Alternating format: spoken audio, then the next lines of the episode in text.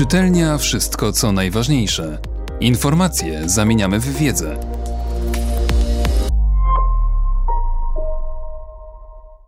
Wojciech Myślecki Świat i Polska Anno Domini 2020 Szanse, obawy, pytania. Zmiana generacyjna i zakończenie wielkiej transformacji ustrojowej po roku 1989 oraz konieczność przebudowy systemu finansowania dalszego rozwoju kraju to najważniejsze procesy, które będą istotne dla Polski w roku 2020 i w kolejnych latach. Kwestia prawdy. Analiza wielkich procesów zachodzących w naszej cywilizacji, które są na tyle trwałe, silne i dające się zdefiniować, aby wychwycić ich oddziaływanie na naszą rzeczywistość, wymaga stosowania jasnego kryterium prawdy. Prawda według Arystotelesa jest zdefiniowana bardzo prosto. Powiedzieć, że istnieje o czymś, czego nie ma, jest fałszem. Powiedzieć o tym, co jest, że jest, a o tym, czego nie ma, że go nie ma, jest prawdą. Święty Tomasz Zakwinu, najwybitniejszy filozof europejski i ostatni, który był też wielkim logikiem, więc każde zdanie, które napisał, miało jakieś logiczne powiązanie znaczeniowe z poprzednimi. Analizując prawdę Arystotelesa, doszedł do wniosku, że nie należy w niej nic zmieniać. Podzielił tylko przestrzeń logiczną prawdy na trzy części: metafizyczną, realną i filozoficzną. Można więc powiedzieć, że my, ludzie cywilizacji europejskiej, jesteśmy z prawdy polegającej na zgodności naszych sądów z faktycznym stanem rzeczy, których one dotyczą. Mimo prostoty tej definicji jest ona bardzo głęboka i złożona. Narzuca bowiem konieczność zbadania, czy to, o czym chcemy mówić i orzekać, jest. Na tym zbudowaliśmy nauki ścisłe, przyrodnicze i techniczne – Ludzie o umysłowości ścisłej muszą najpierw sprawdzić, czy to coś, czym się będą zajmowali, jest, a dopiero później orzekają, czy coś jest, czy tego nie ma. Do dziś głównym przeciwnikiem prawdy cywilizacji europejskiej są ideologie, które na przykładzie bolszewików najlepiej określił w swoich dramatycznych i pełnych pokory wspomnieniach Aleksander Watt, niegdyś wybitny polski komunista, a później więzień łagrów, stwierdzając, że dla bolszewików nieważne jest to, co jest, dla nich ważne jest to, co być powinno, a czego być nie może.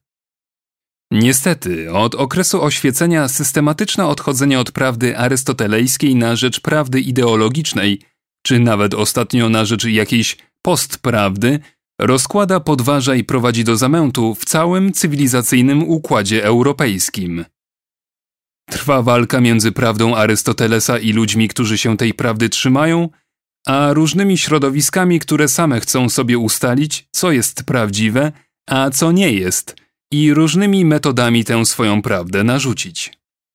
Polski sukces Polska ze względu na swoją wielkość, położenie, kulturę, historię, szczególnie tę najnowszą, z długim cieniem rozbiorów, krótkim okresem niepodległości po I wojnie, a później jej utratą w strasznej II wojnie, z narzuconym, a potem odrzuconym systemem sowieckim, może odnieść historyczny sukces, bo zdecydowana większość społeczeństwa stoi na gruncie starej, porządnej prawdy Arystotelesa i świętego Tomasza.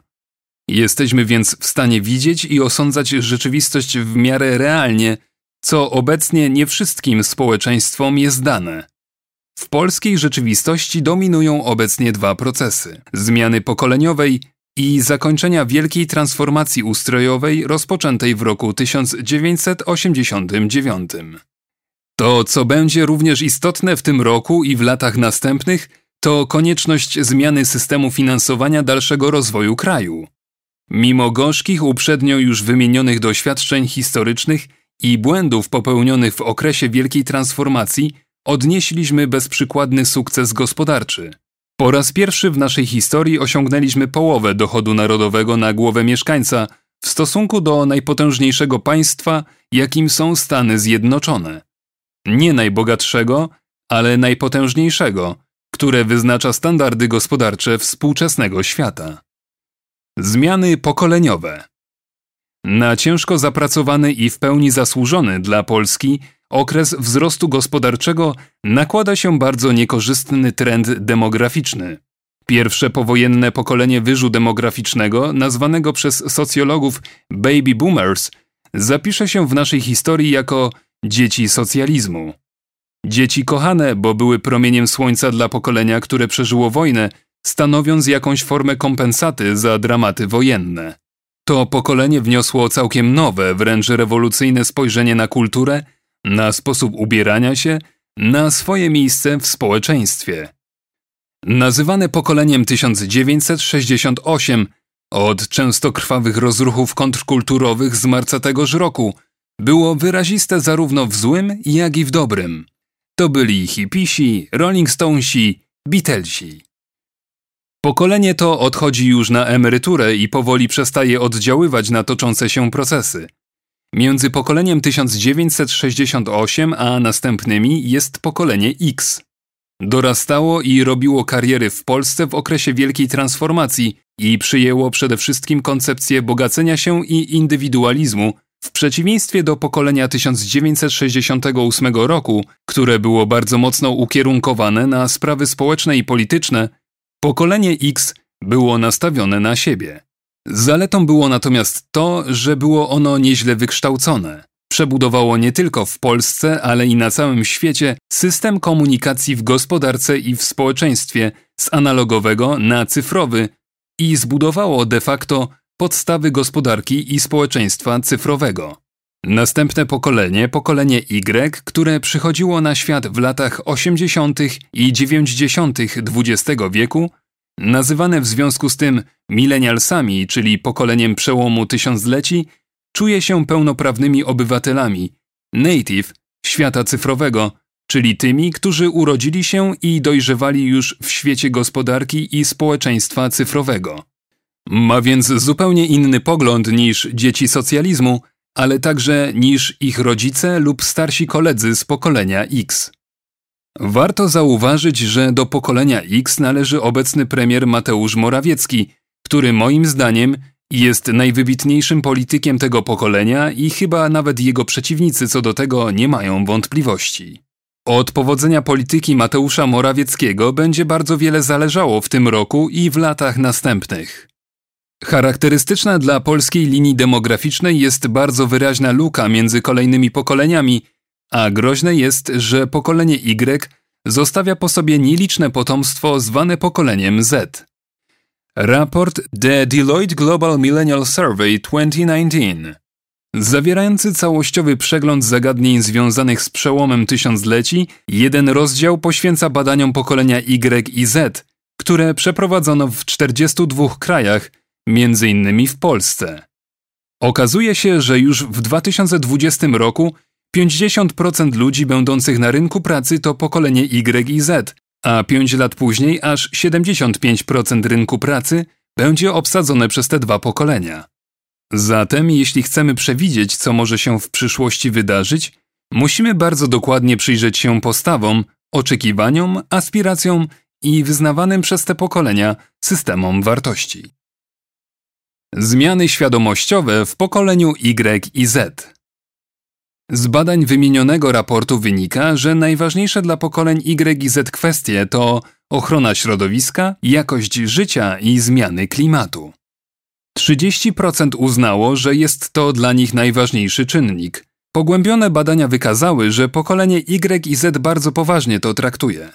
Sprawą numer dwa jest kwestia dosyć dużego, przynajmniej deklaratywnie, poparcia dla wolontariatu i różnych działań prospołecznych niezwiązanych ze stosunkiem pracy czy innymi formami zatrudnienia, a także duże poczucie solidarności ze słabszymi, biednymi, a więc sprzyjanie akcjom dobroczynnym. Trzecim wyróżnikiem jest brak jakichkolwiek psychologicznych obciążeń epoki turbokapitalizmu, która dominowała w kształtowaniu postaw pokolenia X, czyli odrzucenie sposobu widzenia świata przez ich rodziców. W środowiskach ludzi posługujących się mediami społecznościowymi bardzo głośno było ostatnio o piosence napisanej przez chłopaka ze szkoły średniej zatytułowanej Pato Inteligencja. Ten utwór jest kwintesencją odrzucenia turbokapitalizmu, czyli bogacenia się za wszelką cenę, nastawienia wyłącznie na siebie. Jest to więc poważna zmiana dotycząca pokoleń, które już kształtują nasz świat. Wcześniejsze badania polskich pokoleń Y i Z wskazują na to, że tylko 13% respondentów uważa, iż obecny system polityczny funkcjonuje poprawnie, 47% domaga się istotnych zmian w tym systemie, a 28% jest zdania, że zmiany powinny być radykalne. Zmiany świadomościowe w pokoleniach Y i Z pokrywają się z opiniami pracodawców, którzy uważają, że pokolenia Y i Z oczekują, że przedsiębiorstwo wtopi się w nurt ochrony środowiska, szacunku dla środowiska i odejścia od bezwzględnego dążenia do zysku. W świecie cyfrowym Gospodarka 4.0 Zmiana paradygmatu gospodarczego. Wszystkie wielkie systemy obsługujące społeczeństwo mają charakter sieciowy, są sieci energetyczne, komunikacyjne, transportowe. Obecnie nowoczesne technologie i przejście do systemu cyfrowego, zbudowanego przez pokolenie X, powodują, że te wielkie sieci, które nie były traktowane jako część świata cyfrowego, zaczynają do niego emigrować. Na ulicach pojawiają się autonomiczne samochody. W ubiegłym roku w San Francisco wprowadzono całą grupę takich aut, które jeżdżą bez kierowcy. One już są w świecie cyfrowym. Energetyka bardziej zaczyna przypominać sieć informatyczną niż energetyczną. Dla pokoleń Y i Z sieć energetyczna to już nie będą słupy i przewody z generatorami i transformatorami, lecz wielka sieć informatyczna. Niedługo każde liczące się urządzenie będzie terminalem sieci powiązań z innymi elementami. Zatem gospodarka 4.0, internet rzeczy, IoT, staje się rzeczywistością i pokrywa się ze zmianami w świadomości pokoleń, które za 5 lat w 75% będą obsadzały rynek pracy. Istotnym pytaniem jest, co te pokolenia zrobią z dramatycznym i nieakceptowalnym dla nich nagromadzeniem wielkich dóbr w rękach nielicznych osób?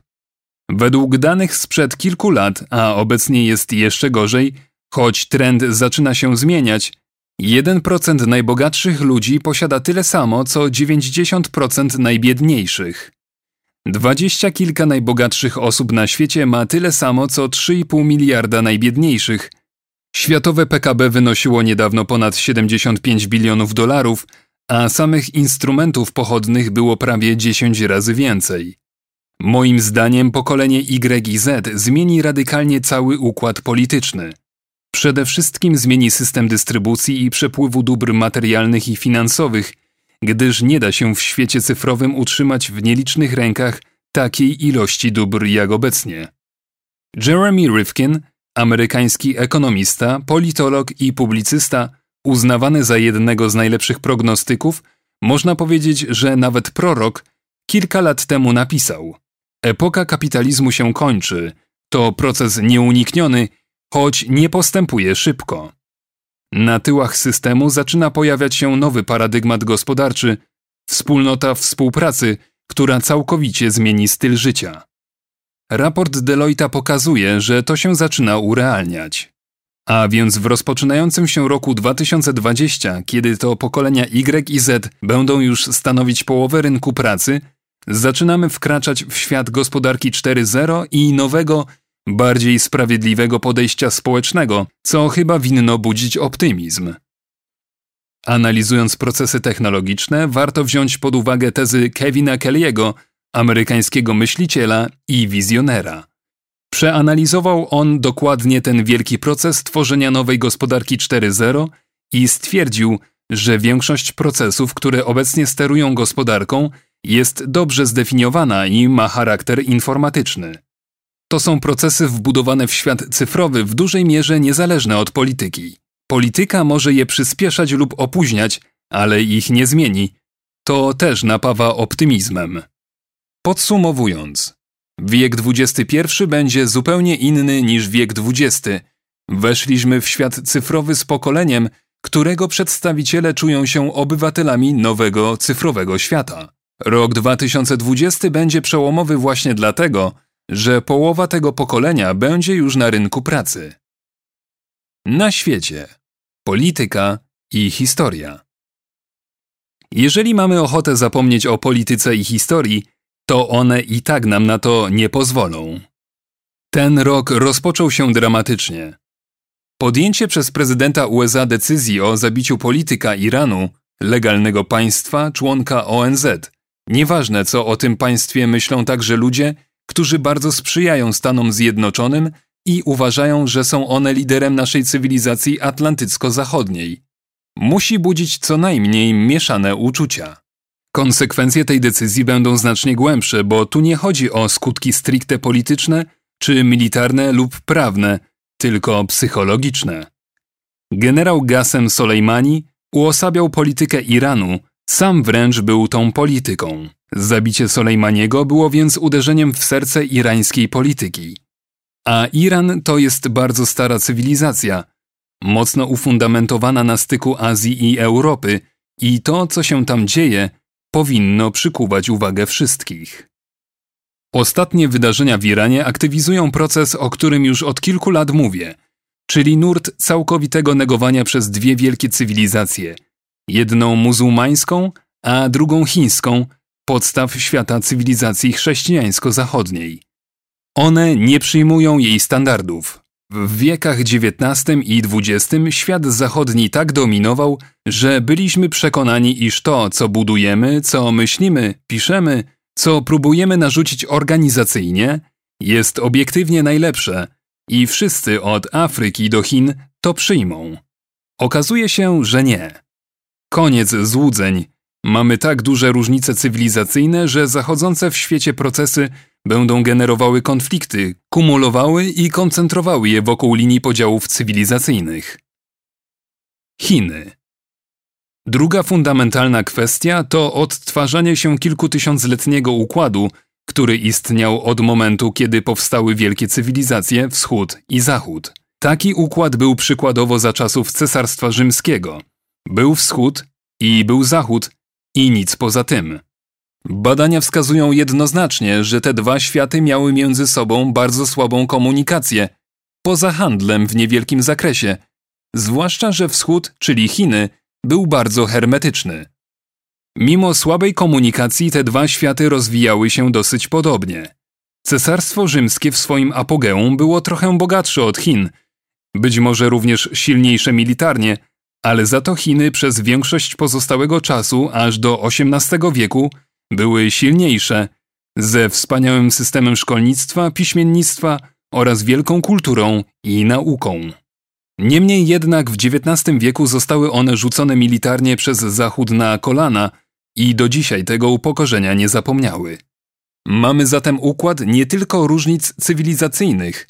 Istnieje potężne państwo, które takim się stało na naszych oczach, bo reformy Deng Xiaopinga rozpoczęły się mniej więcej w 1970 roku, a ich pierwsze rezultaty pojawiły się w 1980 roku, czyli wtedy, gdy zaczęliśmy naszą ostatnią rozgrywkę z PRL-em i komunizmem.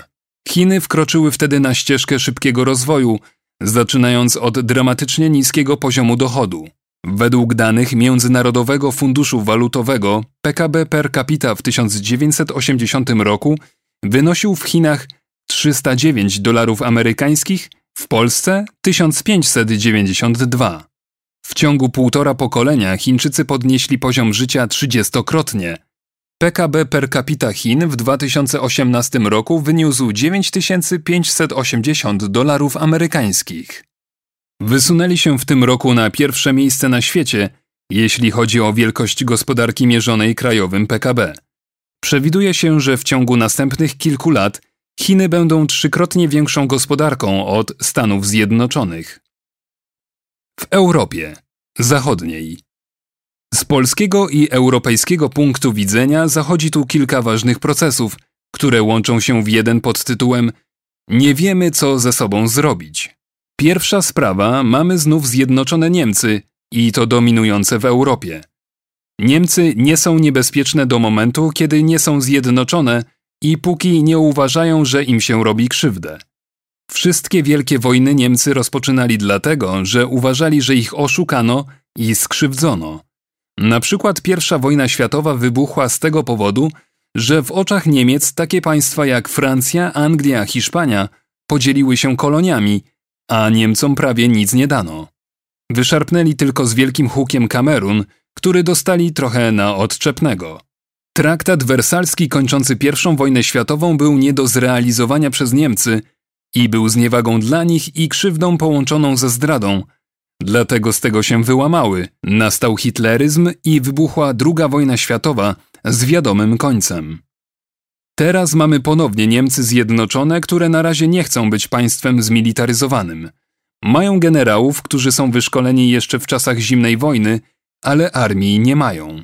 Stany Zjednoczone utrzymują wojskową obecność na terenie Niemiec, uważają bowiem, że jeżeli stamtąd wyjdą, to Niemcy będą musiały się uzbroić i nikt nie wie, co z tego wyniknie. Z polskiego punktu widzenia. Mamy zjednoczone Niemcy i jesteśmy silnie zintegrowani z gospodarką niemiecką, układami kooperacyjnymi. 30% naszych towarów jest eksportowanych do Niemiec i to jest powiązanie mocne i korzystne dla obydwu stron. Niemcy równocześnie czynią specyficzną destrukcję gospodarczą w Europie, szczególnie w południowych krajach Unii, będących w strefie euro. Czynią destrukcję nie dlatego, że chcą działać destrukcyjnie, tylko mają taki model gospodarki. Zaczynają też osłabiać wspólnotę atlantycką na rzecz euroazjatyckiego układu kontynentalnego. Wspólnota atlantycka to jest grupa europejskich państw zachodnich plus Stany Zjednoczone z przyległościami. Jeśli polityka Niemiec pójdzie w kierunku kontynentalnym, to być może stare upiory różnic w interesach narodowych powrócą. Na dodatek Niemcy nie precyzują, co chcą zrobić z Rosją. Ameryka ma jasne stanowisko w tej sprawie. W 1945 roku Amerykanie zdefiniowali bardzo prosto i jasno, jaka jest polityka USA. Stany Zjednoczone mają być obecne w Europie, kontrolować Niemcy i zwalczać oraz wypychać komunizm sowiecki. Być może ta polityka jest już obecnie nie do utrzymania. Na dodatek rozmontowywany jest system naszych wartości cywilizacyjnych. Negujemy te wartości, opluwamy i ośmieszamy fundament naszej cywilizacji, którym jest Kościół, szczególnie katolicki. Natomiast inni fundament swojej cywilizacji wzmacniają, co widać na przykładzie Chin. Czyli nic głupszego nie można robić ponad to, co robi teraz Europa. W Polsce, jak już wspomniałem, mamy sukcesy. Wyszliśmy z PRL-u, mamy przyzwoite PKB, budzącego nadzieję premiera, opozycja zaczyna się jakoś zbierać. Ale mamy też poważny problem z Europą. Ten proces zmian w Europie jest nie do końca jasny, oprócz tego, że istnieje duży potencjał autodestrukcyjny. Najważniejsze pytanie: czego chcą Chiny? Odpowiedź jest jasna. Zacznę od cytatu z 1040 roku, który jest wciąż aktualny. Niebo jest u góry, Chiny na dole, co między niebem a ziemią nazywa się Chinami. Na obrzeżach są obcy. Obcy należą do tego, co jest zewnętrzne, a Chiny do tego, co jest wewnętrzne. Xi Jie o Królestwie Środka 1040 rok a więc jak wynika z tego cytatu, państwo środka wbrew temu, co powszechnie sądzimy, to nie jest państwo, które leży w środku świata. To jest państwo, które leży między niebem a ziemią i tak oni siebie postrzegają, a my jesteśmy gdzieś na obrzeżach jako obcy. W zeszłym roku prezydent Chin Xi Jinping wygłosił referat ogłaszając czteropunktowy plan zatytułowany Niech Chiny znów będą wielkie. Ten plan oznacza powrót Chin na dominującą pozycję w Azji, którą zajmowały przed atakiem Zachodu. Plan ten wyznacza cel, który można rozpoznać, analizując, jaką pozycję i strefę oddziaływania miały Chiny w XVI czy XVII wieku. Bardzo ważne jest stwierdzenie, że Zachód najechał na Chiny. Chińczycy wcześniej nigdy tak tego nie nazwali. Przywrócenie kontroli nad historycznym terytorium Chin w tym nad Hongkongiem i Tajwanem, jest wyzwaniem rzuconym Stanom Zjednoczonym, ale też Rosji. Bo Rosja carska, tak trochę prawem kaduka, wybudowała w XIX wieku linię kolejową przez Chiny, nie pytając władz chińskich o zdanie. Później Mao Zedong tę linię po prostu sobie zabrał, ale pamięć o tym pozostała. Czy odzyskanie historycznych stref wpływów Chin wzdłuż ich granic i mórz ościennych przywróci należne im poważanie? Dla Chińczyków szacunek dla ich dokonań, dla ich cywilizacji jest fundamentem. Oni uważają nie tyle, że musisz ich szanować, ile że powinieneś. Jeżeli bowiem nie masz szacunku dla Chin, to znaczy, że jesteś durniem, obcym. Oni nie chcą tego szacunku wymuszać, tylko z politowaniem patrzą na każdego, kto nie rozumie, czym są Chiny wypełniające przestrzeń między Ziemią a niebem. Prezydent Chin w swoim przemówieniu stwierdził: W polityce domagamy się szacunku od innych wielkich mocarstw na światowych salonach.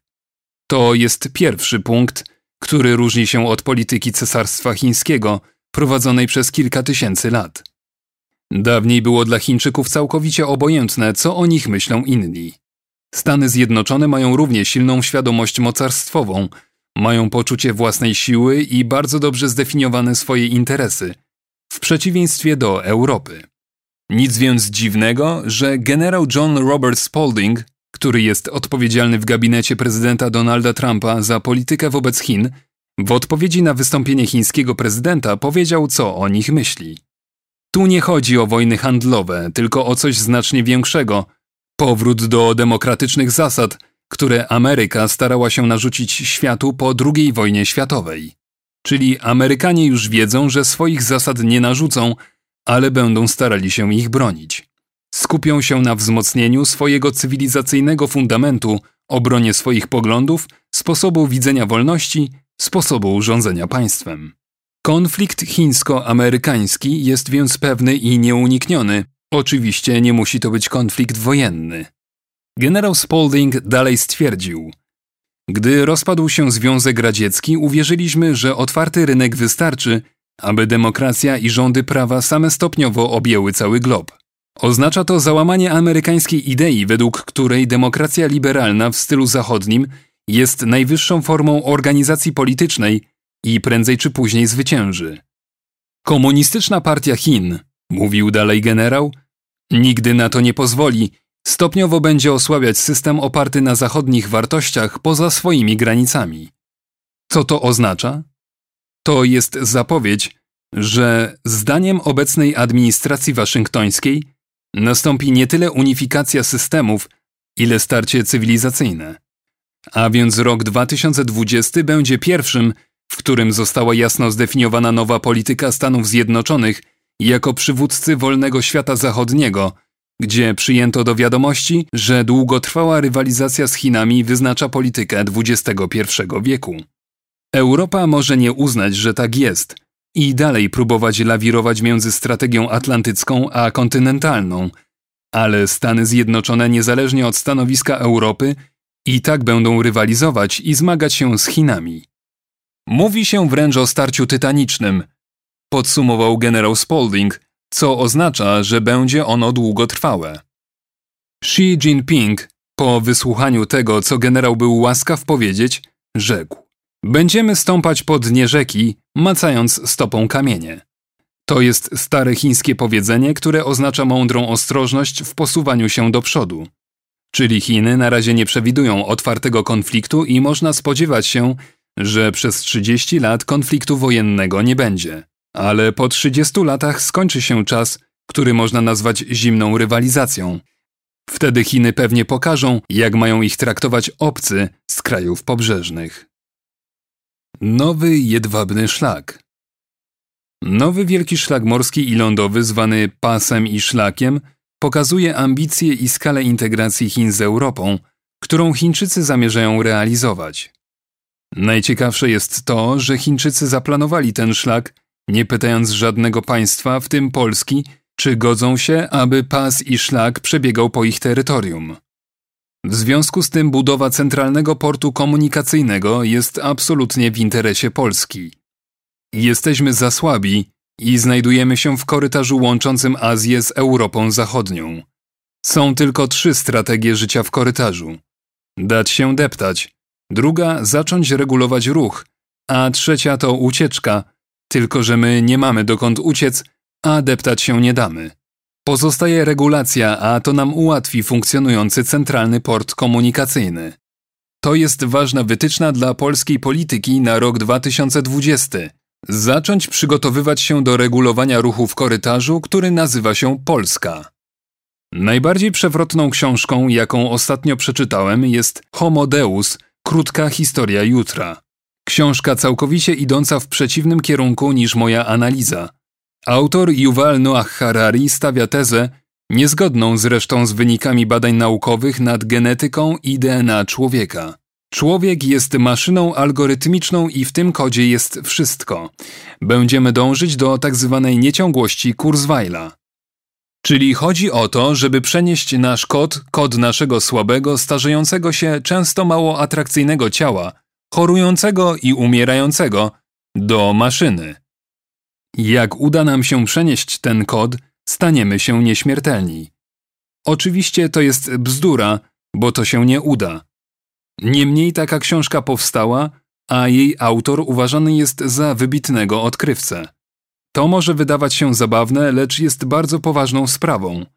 Szczęśliwie autor sam sobie postawił na końcu trzy pytania. Pierwsze. Czy organizmy to naprawdę tylko algorytmy, a życie to przetwarzanie danych? Drugie. Co jest więcej warte? Inteligencja czy świadomość? Trzecie. Co stanie się ze społeczeństwem, polityką i codziennym życiem, kiedy pozbawione świadomości, ale niezwykle inteligentne algorytmy będą znały nas lepiej niż my sami? Zostawmy te pytania bez odpowiedzi i w podsumowaniu rozważmy duchową sytuację naszego czasu. Ujęciu Karla Jaspersa duchowa sytuacja czasu to uniwersum poglądów, przekonań i wiedzy, zarówno naukowej, jak i wynikającej z doświadczenia jednostkowego i zbiorowego, słowem to, co człowiek jako zbiorowość cywilizacyjna wie i myśli na temat świata, w którym żyje. Są to więc ramy, w których umieszczamy wizję naszych czasów. Od oświecenia, które miało być triumfem myśli racjonalnej, triumfem dowodu i pomiaru, triumfem obiektywizmu, myślenia odległego od metafizyki, czarów i guseł wszelkiej maści, okazuje się, że idziemy właśnie w kierunku guseł i przekonań niczym nieuzasadnionych. Ojciec Józef Maria Bocheński w swoim krótkim, wspaniałym eseju Duchowa sytuacja czasu wskazał, że wszystkie współczesne badania naukowe i cała nasza nagromadzona wiedza o świecie nie dają żadnych podstaw do wyobrażeń o sobie i świecie jaki przyjęto po epoce oświecenia. Powinniśmy raczej wrócić do pokory i dystansu do siebie, który mieliśmy do czasów oświecenia. A więc konieczna jest pewna refleksja nad zgodnością duchowej sytuacji naszego czasu z wiedzą i doświadczeniem naukowym. Zachęcam do przeczytania tego eseju.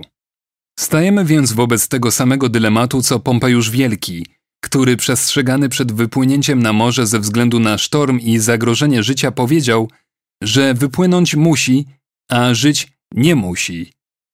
My też musimy wypłynąć, czy nam się to podoba, czy nie. Jest tyle wyzwań, tyle różnych konieczności, że aby normalnie funkcjonować, kontynuować i rozwijać wielką spuściznę cywilizacji europejskiej, musimy wypłynąć na morze refleksji i przemyślenia raz jeszcze fundamentów naszej cywilizacji, gdyż jest ona wielkim, ważnym i być może jedynym naszym trwałym dorobkiem. A więc wypływajmy. Czytelnia Wszystko co najważniejsze. Czytał Mateusz Mleczko.